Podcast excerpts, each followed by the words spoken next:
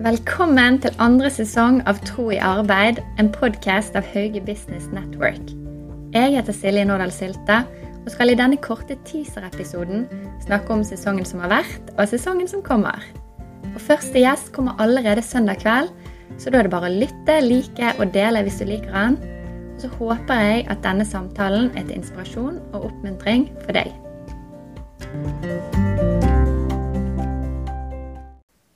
Da er vi tilbake med andre sesong av Tro i arbeid-podkasten. Og jeg har store forventninger. Forrige sesong var veldig spennende, der vi fikk snakke med ulike mennesker om deres tro og hva den betyr i arbeidslivet. Og jeg ser jo at Gud gjør så mye rundt oss, så det er gøy å løfte fram disse historiene. Og det med tro og Gud, det kan jo virke litt sånn abstrakt. Så det er veldig kjekt å se konkrete eksempler på hvordan Gud betyr en forskjell i menneskers liv. Og det opplever jeg at vi fikk se mange historier om i forrige sesong. Og noe annet jeg syns var veldig spennende, det er det der eh, tanken om kall. Ja, hva mener jeg med kall? Det er at Gud kan på en måte gi deg noen oppgaver eller en fornemmelse av at du skal gjøre noe um, med livet ditt. En litt sånn høyere hensikt over livet ditt. Veldig spennende å se hvordan det fungerer i praksis i ulike menneskers liv. Og så må jeg gi dere en liten sånn oppdatering eller ta med noen høydepunkt fra sesongen som har vært. For det Hermund han oppmuntret kristne til å være åpne om troen, og sa at den åpenheten rundt tro er veldig bra og viktig i samfunnet. Og han deler òg om at uansett hvilket yrke du har, så kan du bety en forskjell. Eh, og troen din betyr en forskjell. For eksempel så sa han dette her med at eh, det å være ingeniør kan være like åndelig som lovsang. Spennende. Arne han opplevde at troen utfordret han til å bety en forskjell for de fattige i Burundi. Og som bankmann så skjønte ikke han i starten helt hva dette skulle bety. Men nå har han fått være med over mange år og bygge en mikrofinans som har hjulpet mange tusen mennesker med å starte arbeidsplasser, gitt mennesker et bedre liv. Anders han delte spennende perspektiver bl.a. knyttet til forvaltning. Og han sa dette her om at hvis du ser aksjeeieren som Gud, så får du et nytt perspektiv. Ja, Gud vil ha avkastning, men det er òg andre verdier som Gud er minst like opptatt av. F.eks. hvordan mennesker har det, og hvordan det vi investerer i, påvirker samfunnet. Det er bra å ta med seg. Gina hun er jo både næringslivsleder og leder i kirke. Og Hun delte litt om hvordan troen er en naturlig del av livet hennes, og da en naturlig del av hennes liv på jobb. Hun trekker fram perspektiver om arbeidskultur, feedback, omsorg og bønn.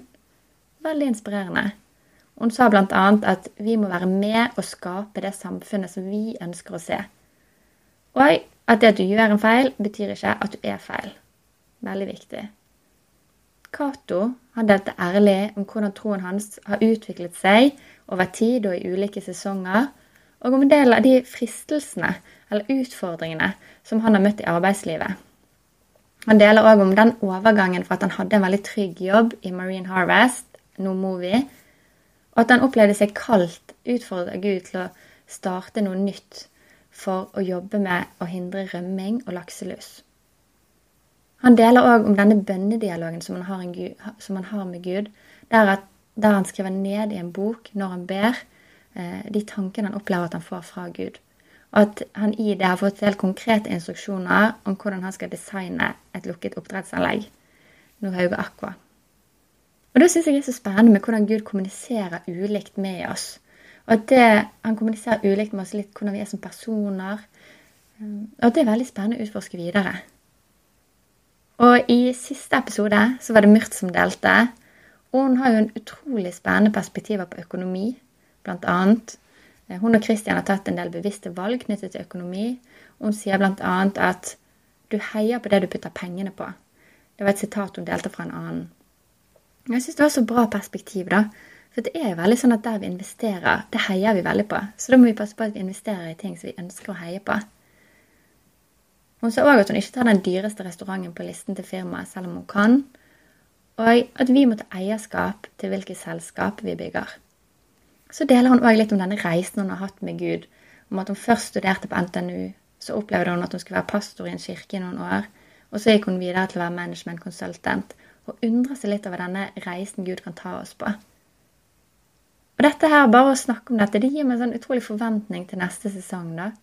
For vi skal jo fortsette å snakke med folk i næringslivet, Men Vi skal snakke med ulike mennesker eh, som har ulike perspektiver og ulike erfaringer. Så må jeg avsløre noen av gjestene, da, for det er jo litt spennende. Så Første episode den kommer om noen dager, og det er med Philip Rygg. Han eh, har jo vært politiker, han eh, leder Tankesmien Skaperkraft, og han er eiendomsinvestor i Rexir Holding. Og Han deler en god del sånn spennende perspektiver om det å være en kristen eiendomsforvalter, og hvordan det påvirker han. Bjarte Karlsen kommer, og han har startet mange selskaper. Han er òg veldig opptatt av forskning og DNA. Og et selskap som han snakker en god del om, det er noe han har startet i Kongo. Utrolig spennende å se hvordan Gud har vært med på denne reisen. Og så kommer Endre Jones fra Norconsult og deler om sine erfaringer med hverdagstro på arbeidsplassen. Og det kommer så mange flere spennende gjester òg. Så jeg håper at du har forventning til det vi skal gå igjennom nå sammen det neste halvåret. Jeg gleder meg.